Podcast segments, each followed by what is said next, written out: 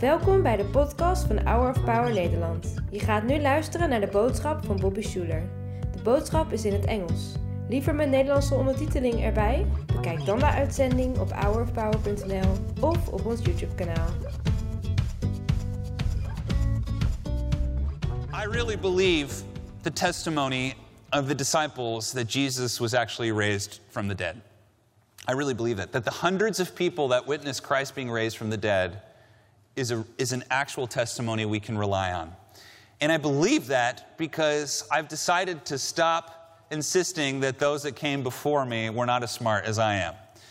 You know, the people in Galilee, Galilee, the Jews of those days especially, were incredibly educated people. They had been Hellenized for almost 400 years before Christ came, which means they had an education in rhetoric, mathematics, logic. Most people who were not religious, like Jewish religious, were not like we think they were like all the Romans were super pagan. They really weren't by the time Jesus came. They were mostly philosophers, a religious, or a lot of the religious stuff was more of a political thing. You, you, did have regions that were very pagan, but like they weren't pagan like the Vikings were pagan, you know, were nailing people to trees or the way sub-Saharan African tribes were pagan. They were just kind of, you know, there were more philosophers and education was such a key part of that world. And Galilee itself was a wealthy region. It wasn't rural. I mean, there was some rural stuff, but there was an influx of people coming in, mostly Jews, coming in from Babylonia, which is one of the wealthiest, most educated places in the world. They were coming from Alexandria, parts of Asia Minor. And it was just a flood of education and culture. And by the way, those people would have spoken four languages Aramaic, Hebrew, Latin, and Greek. Okay, they, they're not that dumb. And my point is, is like we act like they didn't know back then that people don't come back to life. they did. They knew that.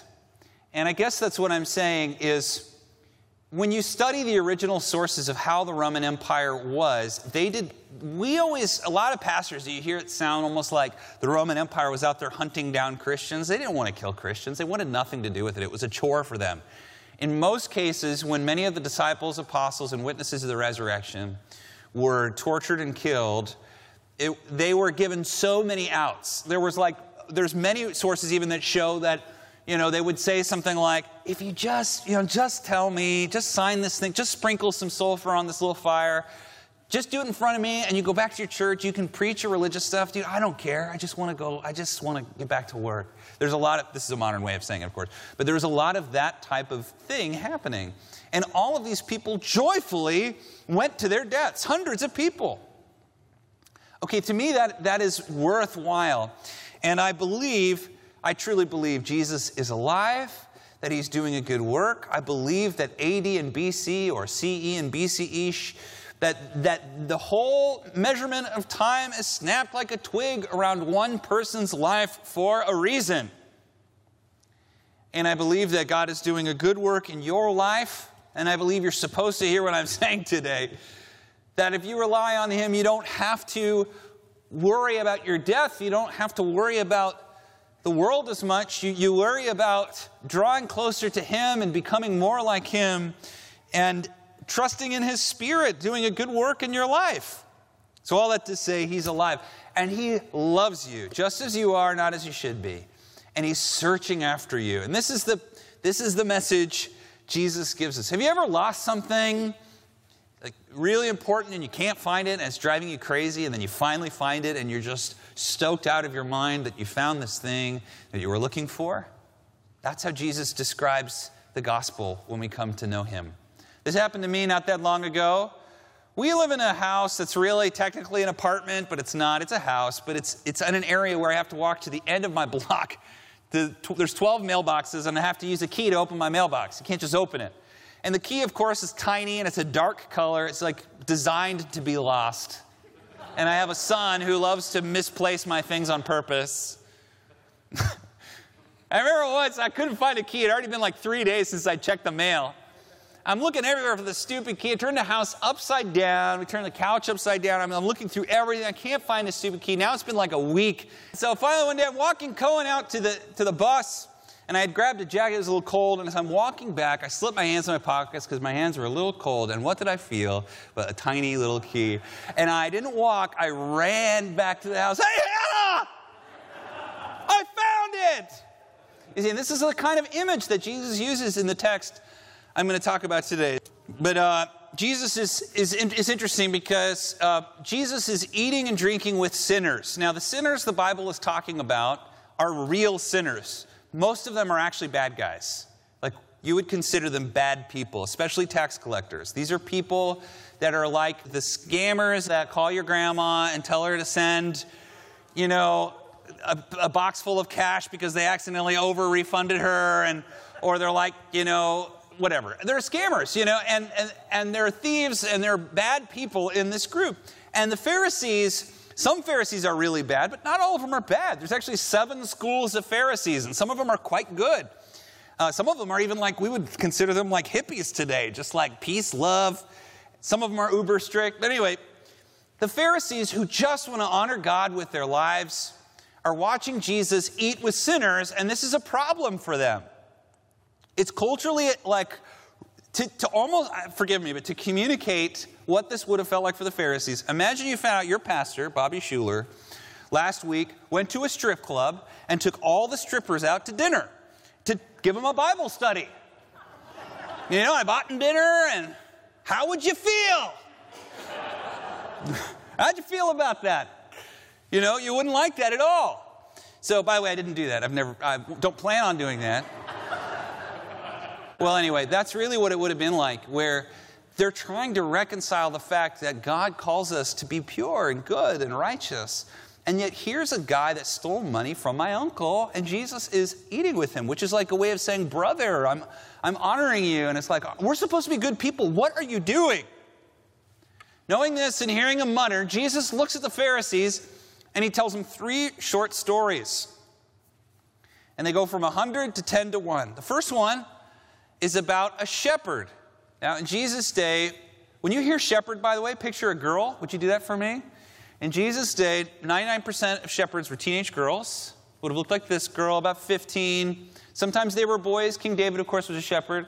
He probably would have been about 11 or 10. So if it was a boy, he would have been a child boy. In the story, you know, sheep, remember, are like uh, community property, and they were like pets.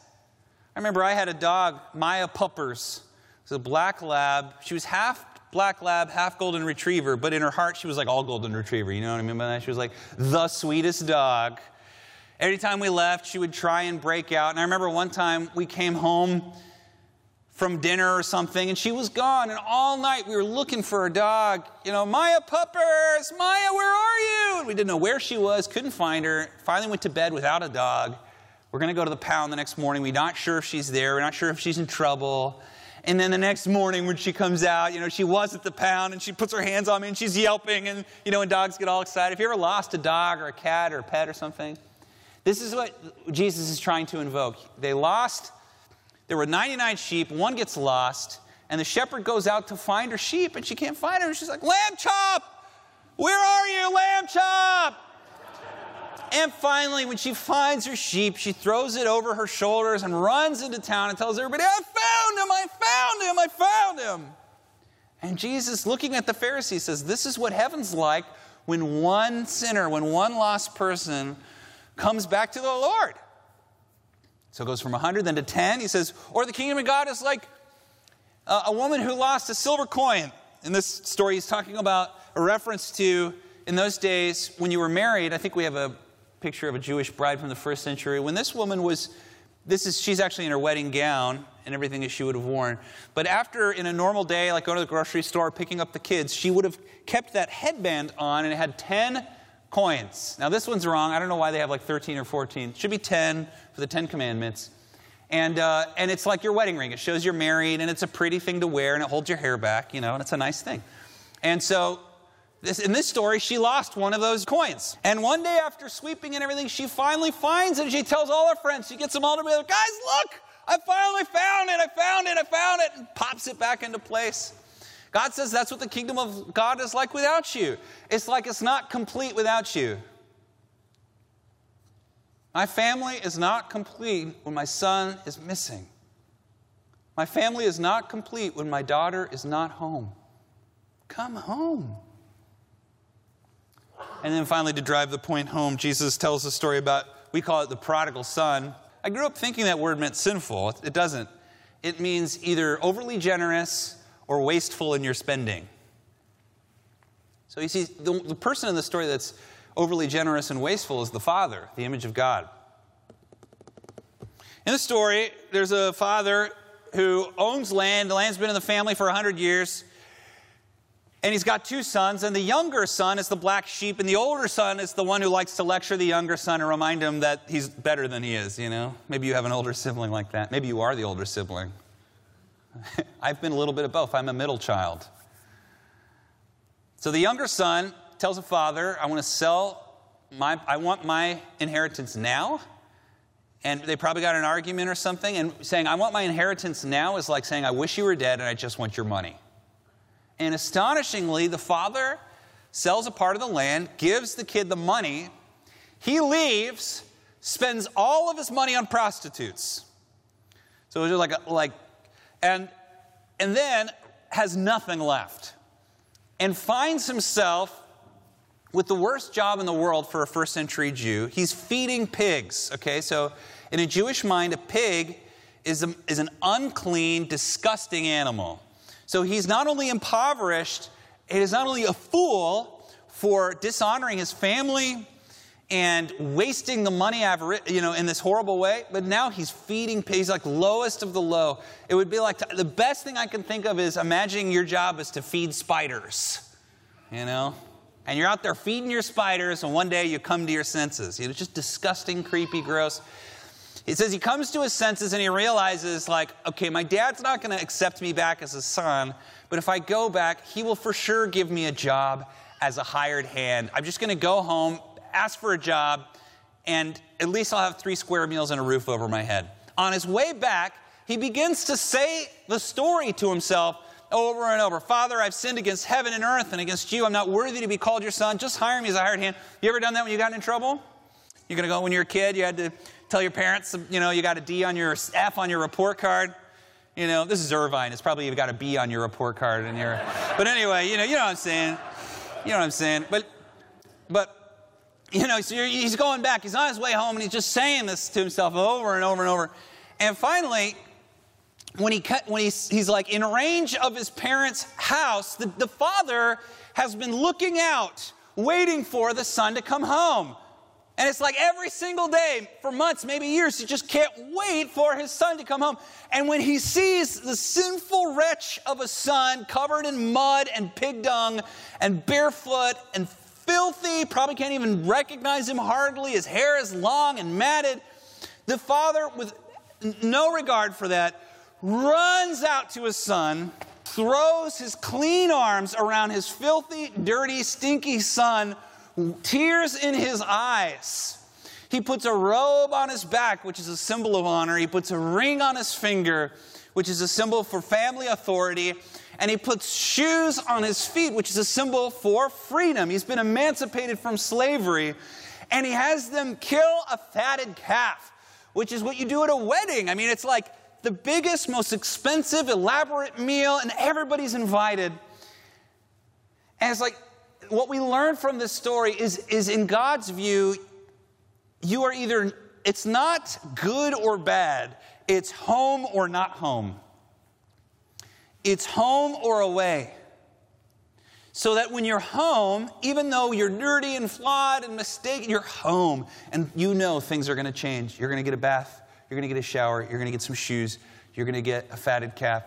And Jesus says this is how it is in the kingdom of God when someone comes home. There's more rejoicing in heaven over this one person. Won't you come home to the Lord? Won't you just come home to Him? Spinning your wheels and overthinking and saying all ways that you're a bad person. You're not. Just give your life to the Lord and begin to build your life as a response to his love for, for you. That's the gospel. That's the good news. And you'll see that your life, you'll become a more moral person and, all those things. But first, you, you land at home with the Lord. Well, the story doesn't end there. Just one last part of the story that I think is very interesting. There's a, remember that other son, the older son? He is not into this at all. He's coming home from work. He's maybe got a shovel over his shoulder or something, and he sees in the distance a lot of lights and he hears a bunch of music like you would in an inn or something, and all of a sudden he smells this delicious barbecue. He's not sure what's going on. He asks one of the servants, Hey, Bill, what is going on? It says Bill in the Greek. Bill, what is going on over there? And, and he says, Well, my Lord, uh, your, your younger brother has come home, and so your father has killed the fatted calf for him. And it's like in that moment, he's just like, no, no way, no. And he just like maybe takes his shovel and just starts digging and he's just kind of feigning work, you know. This is what I do. I work. I'm responsible. I do what's right. You know, this kind of thing. We all know somebody like that. and the father comes out to the older son. He runs out to him, the older son, the same way he ran out to the sinful son, you see? Prodigal. He says to the older son, Why won't you come in? Why won't you come celebrate with us? And the older son says, That son of yours, notice he doesn't say my brother, that son of yours took our family's land, sold it, spent it on prostitutes, insulted you, insulted me, and now you kill the fatted calf for him? And he said, You won't even kill a goat for me and my friends, and yet you kill the fatted calf for him. And you know what he says back to his son? He says, instead of saying my son, he says, Your brother. I love it. He throws it back and he says, Your brother. He says, My son, everything I have is yours. You've always done what is right. And he says, But your brother insinuating that you should have gone after your brother. You should have talked some sense into him. You should have pursued him. You know, he says, That brother of yours was lost, but now is found, was dead, but now is alive. Won't you come in and celebrate with us? And you know what the brother does? You know what he does? You don't. Nobody does. Because that's where Jesus ends the story. He finishes the story with a hang. It's like hanging, and he's looking right at the Pharisees, sitting with a bunch of sinners. Jesus looks at the Pharisees and finishes the story, and he's saying, What are you going to do? Are you going to join us? Or are you going to wallow? You see, and I think that's, that's the other part of the story that gets so lost, is that there's a, there's a type of, of sinfulness also that comes in legalism and in a pride of, of, of condescension towards others that are not as good for me. But that's not the life in the kingdom either. God wants freedom for you. He wants freedom, goodness, life in, in you now. And so I just, I just want to invite you, as, as a father would run out to the younger son or the older son, maybe you identify with one of those characters. You've always been good, but you, you've, you, have you have been a good kid, a good person, but you don't have any sense of freedom or life or spirit or power from the Lord in your life. Or maybe you are a sinner and you're like, Bobby, I have no, you have no idea what I've done. I, I don't have an idea what you've done, but I know there's no saint without a past. There's no sinner without a future.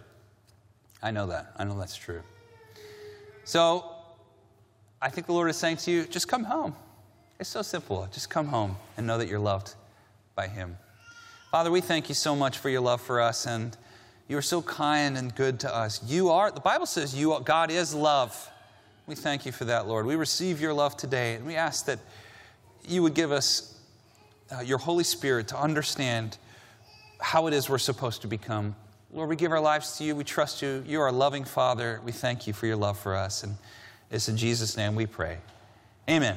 And now the Lord bless you and keep you. The Lord make his face to shine upon you and be gracious unto you. The Lord lift his countenance upon you and give you peace. In the name of the Father, and of the Son, and of the Holy Spirit. Amen. Bedankt voor het luisteren naar de podcast van deze week. We hopen dat deze boodschap jou heeft bemoedigd. Wil je meer weten over Hour of Power of dagelijkse bemoedigingen ontvangen? Ga dan naar www.hourofpower.nl.